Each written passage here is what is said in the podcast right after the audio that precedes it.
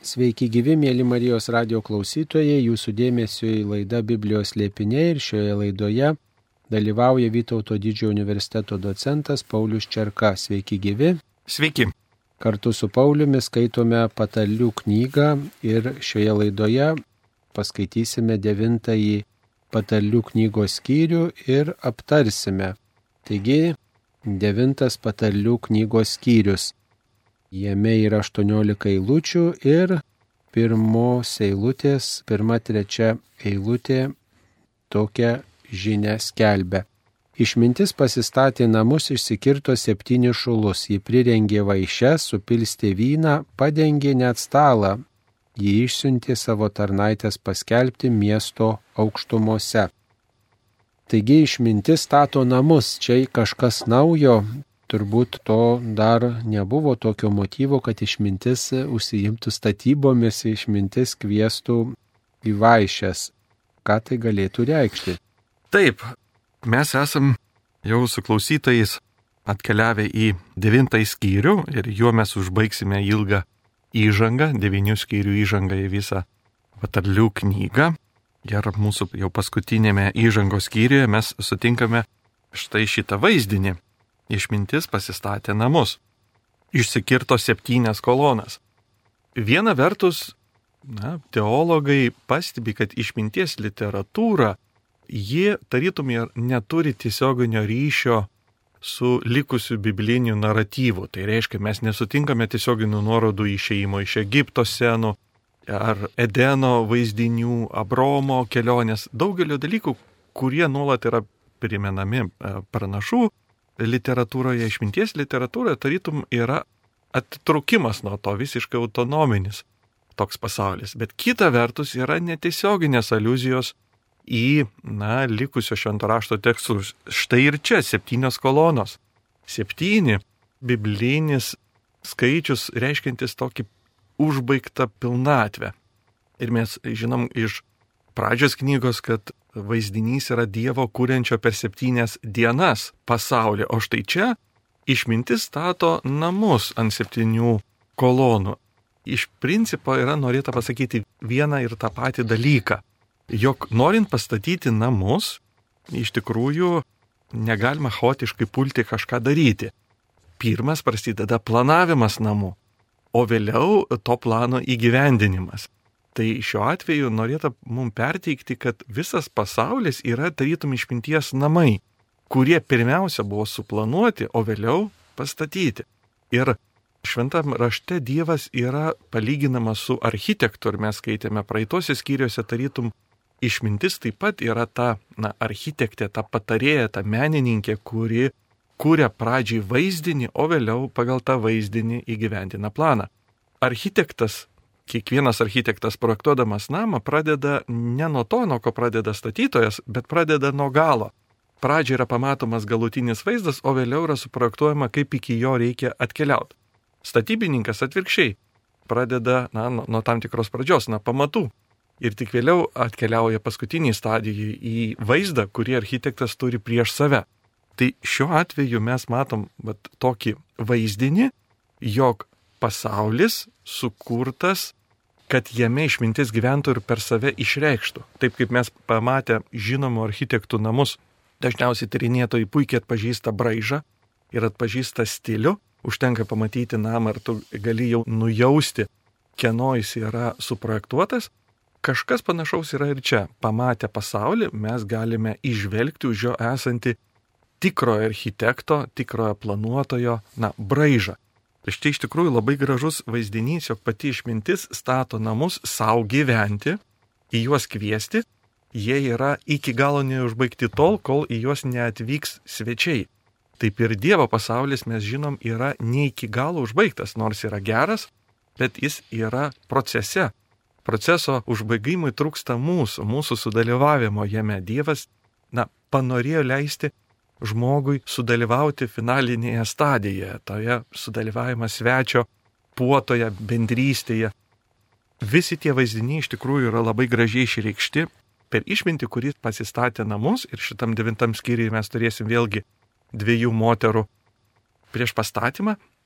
mes matysim į svečius kvies išmintis ir vėliau į svečius kvies kvailybė arba tiesiog vadinamoji kvailoji moteris. Čia taip pat galim pastebėti vat, apie tas vaišes. Matom, kad yra ir mėsa, ir vynas, ir šiuo atveju išmintis siūlo pačias prabangiausias vaišes, kvailybė priešingai siūlys vandenį ir duoną, na, tokias pigius dalykus, o išmintis siūlo brangius dalykus. Kita vertus, gyvulių papjovimas netiesiogiai nurodo, kad yra auka. Tais laikais būdavo, kad iš tikrųjų, na, tos vaišės buvo po aukos, reiškia tai, kas likdavo.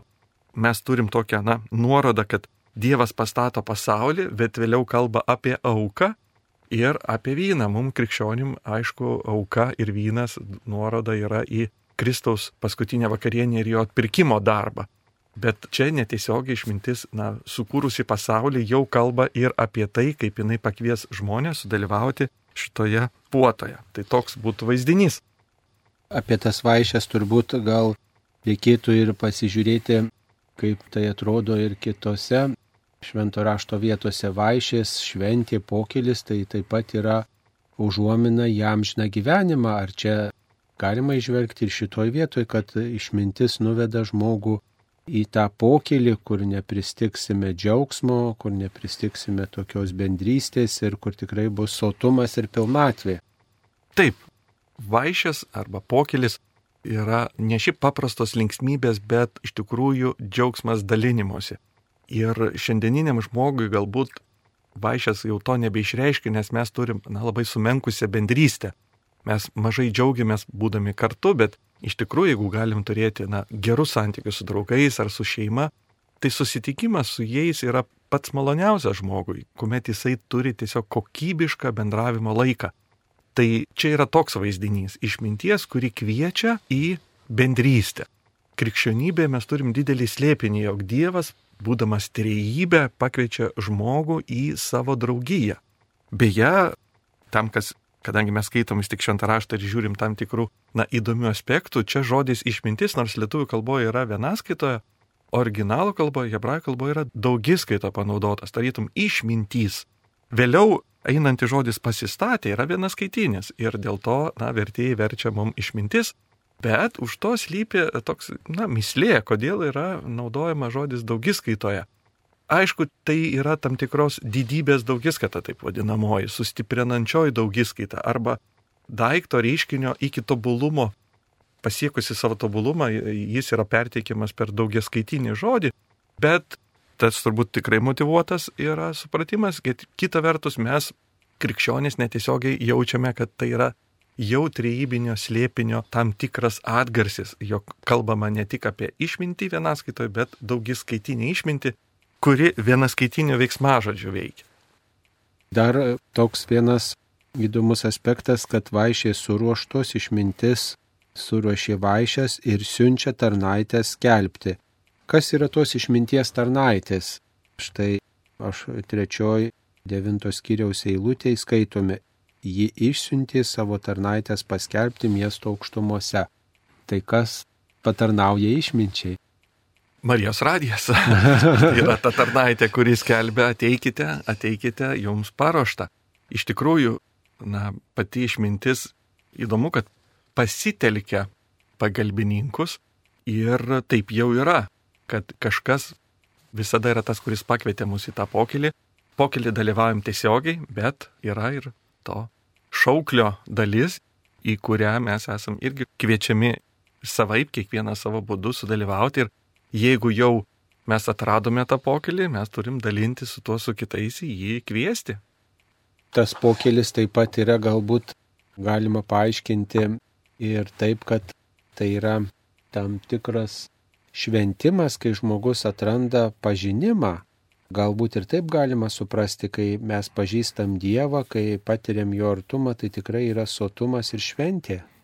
Taip, jinai perteikiama iš tikrųjų to gražiu puotos bendrystės įvaizdžių ir jeigu pagalvotume apie evangelinės senas, iš tikrųjų evangelijose vienas įvykis labai kartojasi. Jie nuolat valgo, nuolat būna kartu. To labai daug.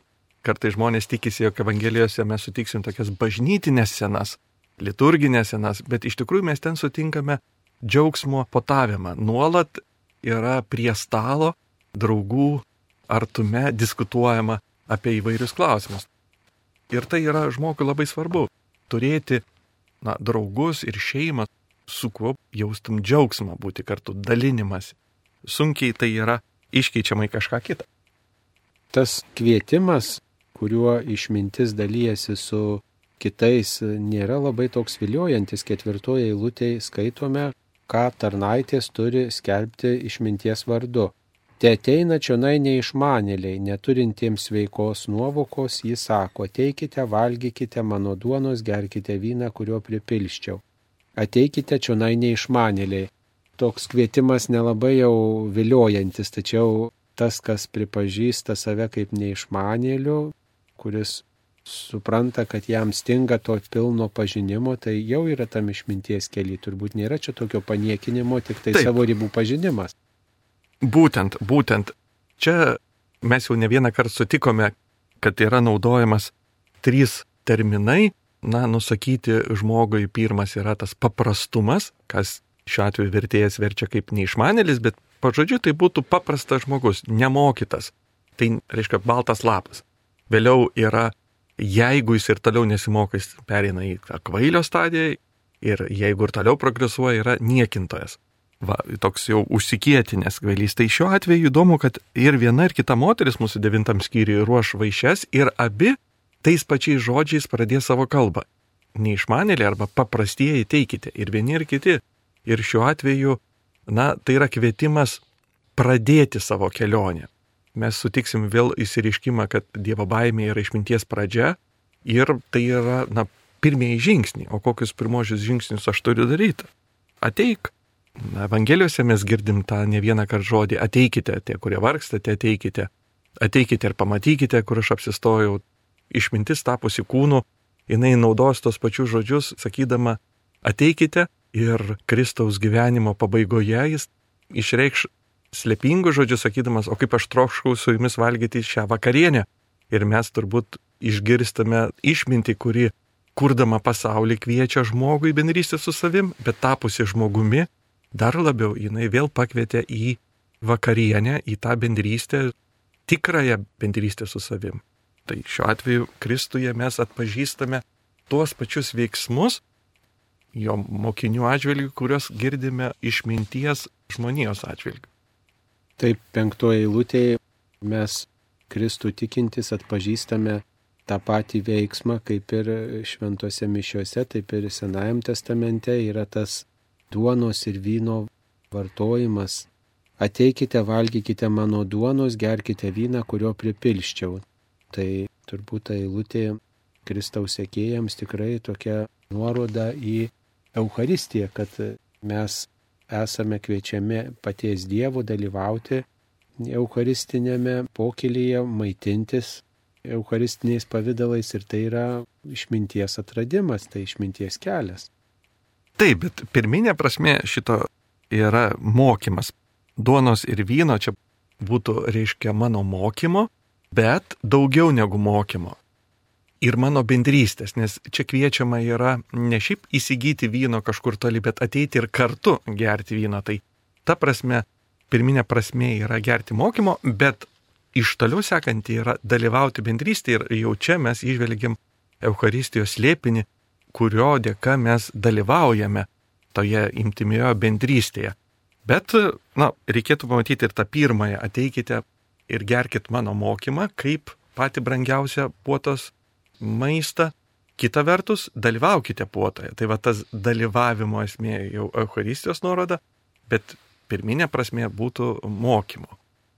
Dar turbūt paaiškina tą šventės turinį kas ten vyksta to šventės metu.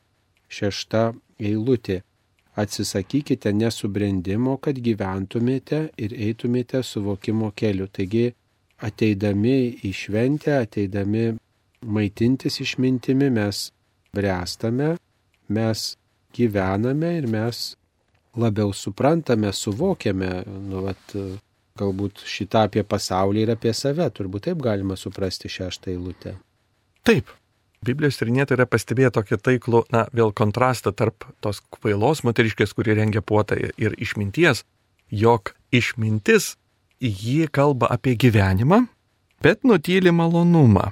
O na, kvailoji moteris arba kvailystė priešingai kalba apie malonumą, bet nutyli apie mirtį. Toks, na, įdomus kontrastas, jog išmintis nesako apie malonumą, bet jis išplaukia iš gyvenimo. Jis kalba apie gyvenimą pirmiausia.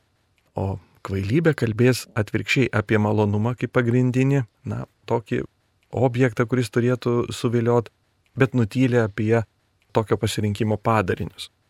Septinta ir devinta eilutė skelbia labai tokį paradoksalų tekstą, kaip reikia elgtis su tuo, kuris pašaipiai elgesi, atrodo reikėtų sudrausti, paniekinti tokį žmogų ir pamokyti išminties, tačiau labai tai paradoksaliai mums siūlo elgti su pašaipūnais.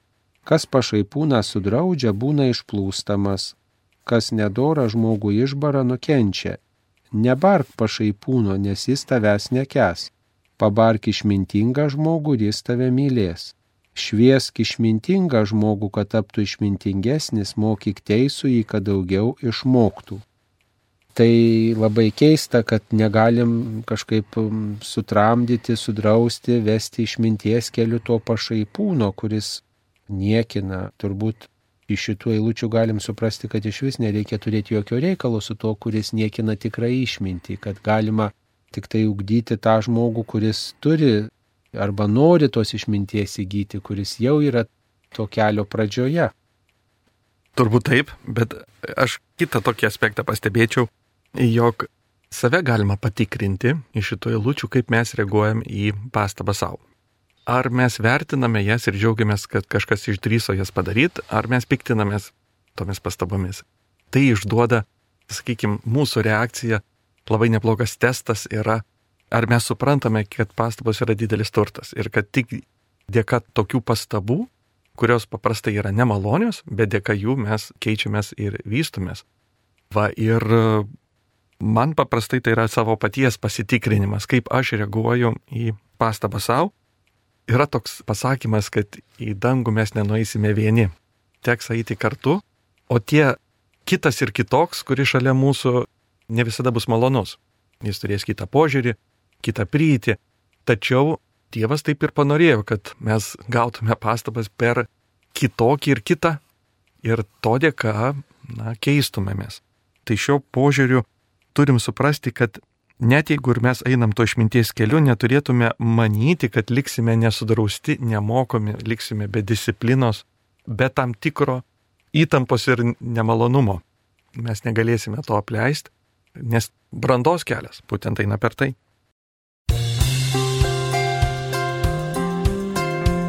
Jūs girdite Marijos radiją.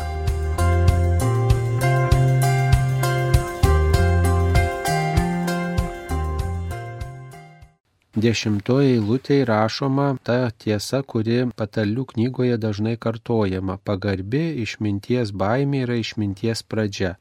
Tiesiog siks nuo sikio primename, kad bijoti viešpaties tai būti išminties kelyje ir šventojo pažinimas yra įžvalga. Tas šventasis tai turbūt yra pats viešpats ar dar kažkas turima kita galvoje čia. Taip, iš tikrųjų šitoje eilutėje mes atrodytų jau ją skaitėme, viešpatės baimė išminties pradžia, bet šį kartą lietuvių kalboje nepavyksta išreikšti, bet mintis yra visiškai kita, negu mes skaitėme anksčiau. Pirmam skyriuje mes sutikome vėlgi apie pradžią, bet ten žodis, na, hebrajų kalboje kurį mes sutinkame pirmam skyriuje, buvo rešit. Žodis, kurį mes sutinkame švento rašto pirmos eilutėse, berešit, iš pačioje pradžioje, iš pradžių, mes jį sutiktume ir Jono Evangelijos pradžioje buvo žodis. Tas žodis, kurį sutinkame patarlių pirmam skyriuje, daugiau reiškia tai, kas pirmiausia, tai, kas svarbiausia, tai, kas yra iš principo, iš esmės. Reiškia, galima būtų vertėjai versti svarbiausia, yra išmintis. O šitoj vietoje yra panaudotas kitas žodis, kuris reiškia, na jau tokia iš pradžių. Čia yra žodis tiesiog reiškintis tekilat hebrajiškai, kuris reikštų, na, pirmi žingsniai, pirmi sprendimai. Ir įdomu, kad kas svarbiausia, tai yra, kas yra iš esmės yra išmintis. Viešpatės baimė išminties būtų esmė ir taip pat tai yra pirmas žingsnis. Tai šiuo atveju, nors lietuvių kalboje mes sutinkame ir ten ir ten vertėjo pasiūlytą žodį pradžia, bet ta pradžia yra visiškai kitoks terminas. Pradžia kaip esmė, kaip pirmiausia einanti, svarbiausia tarp kitų, ir pradžia kaip nuo to, ko pradedame. Ir šiuo atveju yra sutapimas, kad mes pradedame nuo svarbiausio. Ir dėl to mes sutinkame, na, ta prasme viešpatės baimė yra išpinties pradžia. O dėl šventojo pažinimo vėl įdomus yra tekstas, jog čia mes turime daugiskaitą. Šventųjų pažodžiui būtų pažinimas. Ir suprantama, kad yra diskutuojama, kas norėtų pasakyti. Jau vieną kartą daugiskaitinį mes žodį sutikome taikant pačiai išminčiai, vėliau esantis vienaskaitinis veiksmažodis mums sufleravo, kad tai yra tam tikros turbūt didybės daugiskaita, taip mokslininkai vadino. Panašu ir čia, jog Dievas išreiškiamas yra daugiskaita, kaip tobulas šventasis, dėl to yra išreiškiamas na, daugiskaitinių žodžių. Bet yra ir mažumos nuomonė, kad eina kalba apie šventuosius na, žmonės, jog išminties kelyje reikia orientuotis taip pat ir bendravimą su tais, kurie jau ją yra pažinę. Tai turbūt galimas ir toks supratimas, bet vat, lietuviškam vertime mes skaitome būtent e, nuorodą šiuo atveju yra į Dievą ir suprantama, kad daugiskaitinis žodis šitoje vietoje na, nurodo į Dievo didybę, nors vienas asmuo, bet didingumas išreiškiamas per daugiskaitą. Tačiau galima jį suprasti, kad eina kalba apie šventuosius. Tai yra tie, kurie eina kelyje, yra pažengę ir su jais taip pat dera bendrauti. Tai toks būtų galbūt retesnis, bet irgi galimas supratimas. Dar 11 eilutėje toliau skaitome apie turbūt išminties vaisius. Tai per mane tavo dienos bus padaugintos ir metų metai prie tavo gyvenimo pridėti. Ar čia turima galvoti tas ilgas gyvenimas, ar čia ta pilnatvė, kurią žmogus, gilindamas į išmintį, labiau pažindamas Dievą, tiesiog gauna kaip kraitį, kaip tam tikrą patirtį svarbę. Tai čia pat vaizdinių kalba yra turbūt perteikima, kad jeigu žemiškam gyvenime išmintis iš tikrųjų tarytum pailgina dienas, tai dangiška išmintis atveda į amžinai gyvenimą. Ir apie amžiną gyvenimą labai sunku kalbėti, tai yra mums sunkiai suprantamas reiškinys, dalykas, bet apie jį galima pateikti per tam tikrą alegoriją. Tai ilgo žemiško gyvenimo vaizdiniu yra perteikiamas amžinasis gyvenimas. Tai jokių būdų nereiktų suprasti, kad Dievo išmintis būtinai kiekvienam žmogui parūpins ilgą gyvenimą žemėje, bet jeigu mums reikėtų pagal kažkokį tai vaizdinį nutapyti amžiną gyvenimą, tai mes pasitelktume ilgo gyvenimo, ilgo ir laimingo gyvenimo žemėje tik vaizdinį, ne patį gyvenimą, bet vaizdinį perteikti, kas yra sunkiai perteikiama. E, iš tikrųjų, amžino gyvenimo vaizdinys, ne amžinas gyvenimas, filosofija ir teologija apibrėžiamas kaip gyvenimas, pilnas gyvenimas vienu metu. Tai reiškia visas gyvenimas iškart. Tai mums sunku jį įsivaizduoti, kaip galima iš karto patirti visą gyvenimą. Mes įpratę gyventi savo laikę, kuomet gyvenimas yra ištesiamas ir jame yra pokyčiai, o amžinam gyvenime yra na, Dievo gyvenimas, jis yra iškart ir visas. Tai šiuo atveju tikrai labai sunku protu įsivaizduoti tą amžino gyvenimo paslapti, todėl yra šventam rašte naudojami vaizdinių kalba. Ir vienas iš vaizdinių yra tik kaip vaizdinys ilgas žemiškas gyvenimas, atvaizduoti tą sunkiai suprantamą tikrovę, kai yra amžinas gyvenimas. Taip, ilgo gyvenimo visi linkia vieni kitiems ir visi savotiškai tikisi. Taip. Ilgo Taip. ir brandaus ir tokio pilnaverčio gyvenimo. Dvylikta eilutė vėlgi labai netikėta. Kelia du klausimus. Ar esi išmintingas, esi išmintingas savo naudai, ar esi pašaipūnas, naštą tik tu neši.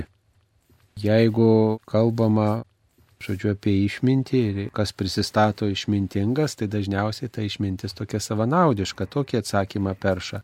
Ar šaipaisi, neši tik savo naštą, čia vėlgi labai netikėtas atsakymas. Kaip šitos dvi eilutės dera visame devintos kiriaus kontekste.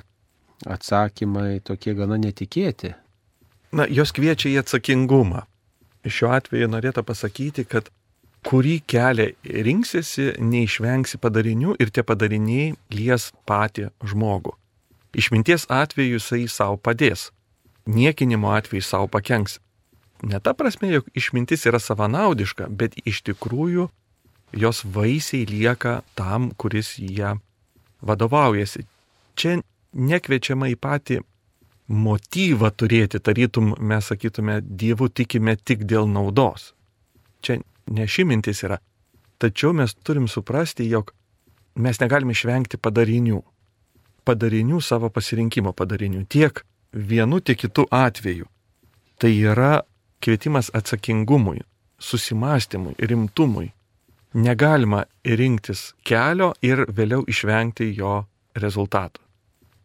Bet gal yra tame logikos, kad jeigu žmogus jau laiko save išmintingu, tai tikrai jau baigusiu tą kelionę, jau jam nieko nereikia siekti, nieko nereikia labiau pažinti ir tikrai tada jisai susiduria su tokiu savo ribotumu, bet to nepažįsta, to nesupranta ir tikrai jis užsidaro savį savotiškai. O tas, kuris sako, man dar stinga išminties, nors jis tikrai išmintingas, įsilavinęs ir Dievą pažįstantis, pamaldus ir siekiantis dar labiau pažinti, bet sako, man dar vis negana, aš dar vis kažko nepažįstu, nežinau.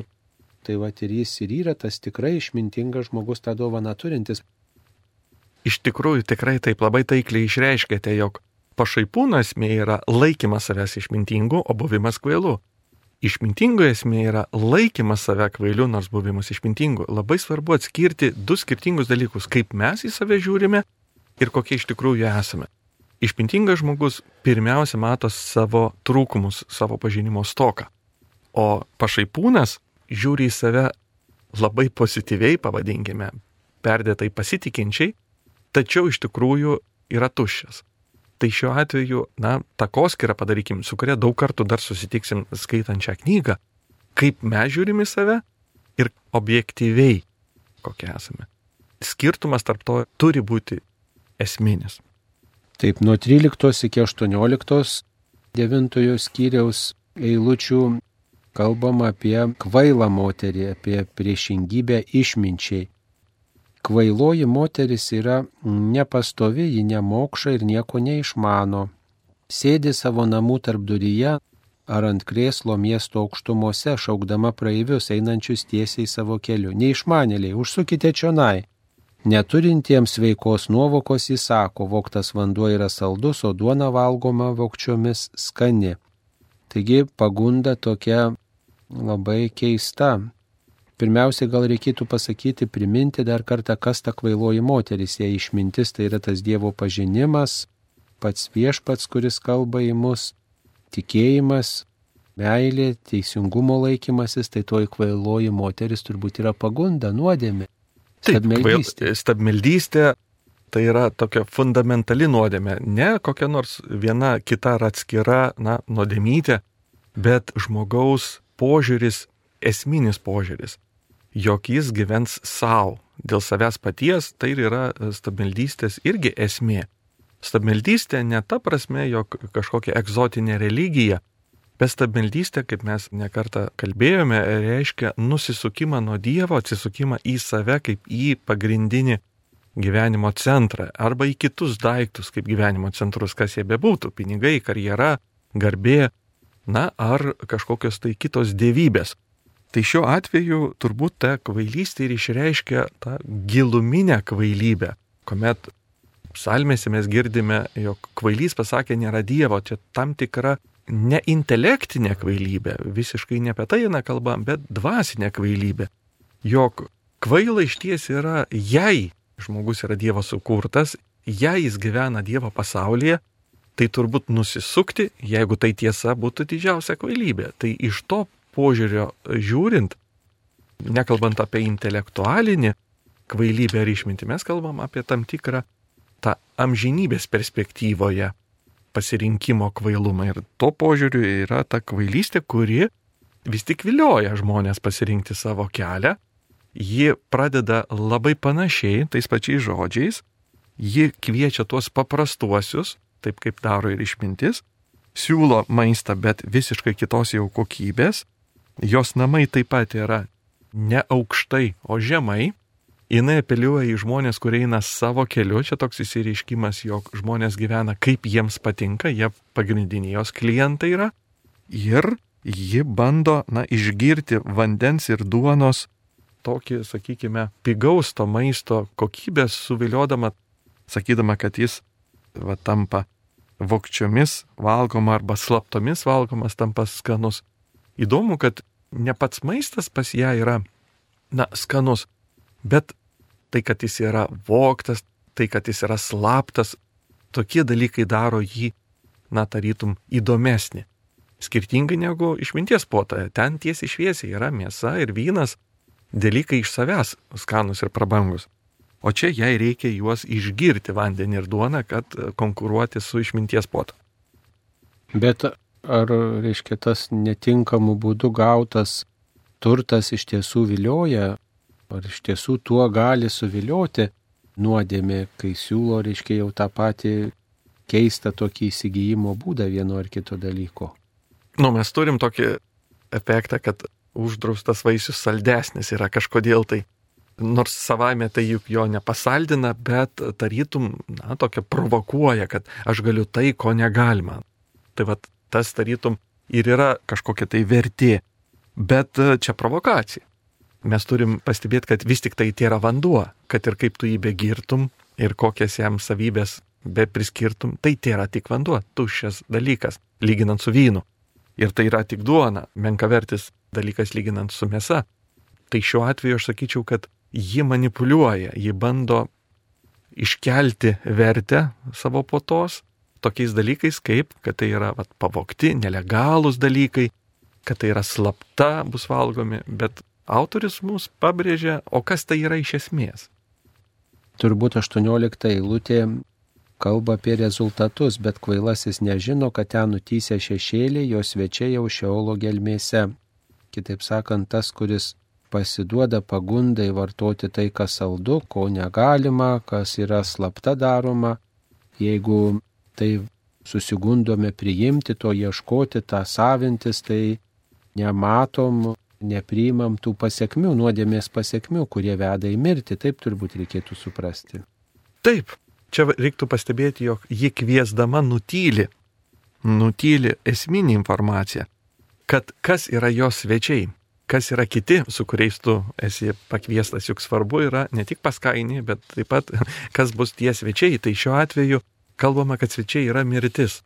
Ir, na, jau krikščioniškui požiūrė mes galime kažkuria prasme sakyti, kiekviena nuodėmė, jinai yra tam tikra va tos mirties pranašė arba išraiška. Tai tas yra nutylima, tai yra slepiama, bet iš tikrųjų tai yra tikrovė. Paradoksalu, kad išmintis kviesdama nekalba apie malonumą, bet jis bus, gyvenimas jį atneš. O čia atvirkščiai akcentuojamas yra saldumas to vokto vandens, o nutylimi padariniai. Reiškia, nutylima, kad bus mirtis.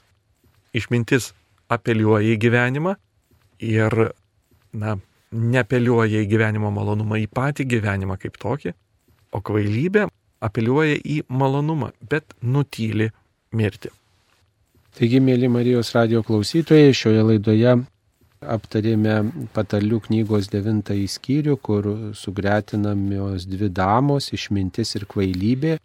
Ir tiesiog kviečiama susipažinti, kur veda išmintis ir kur veda kvailybė, nuodėmė arba stabmeldystė, kurios vaisiais mes susiviliojame arba tiesiog neatsakingai pasirenkame. Šioje laidoje devintą patarlių knygos skyrių aptarė Vytauto didžiojo universiteto docentas Paulius Čerka, įkalbino aš kuningas Saulis Bužauskas. Kągi linkime visiems rinktis išmintį ir mėgautis gražiais išminties vaisiais, dorybės, Dievo pažinimo, Dievo artumo vaisiais. Ačiū, sudė. Sudė.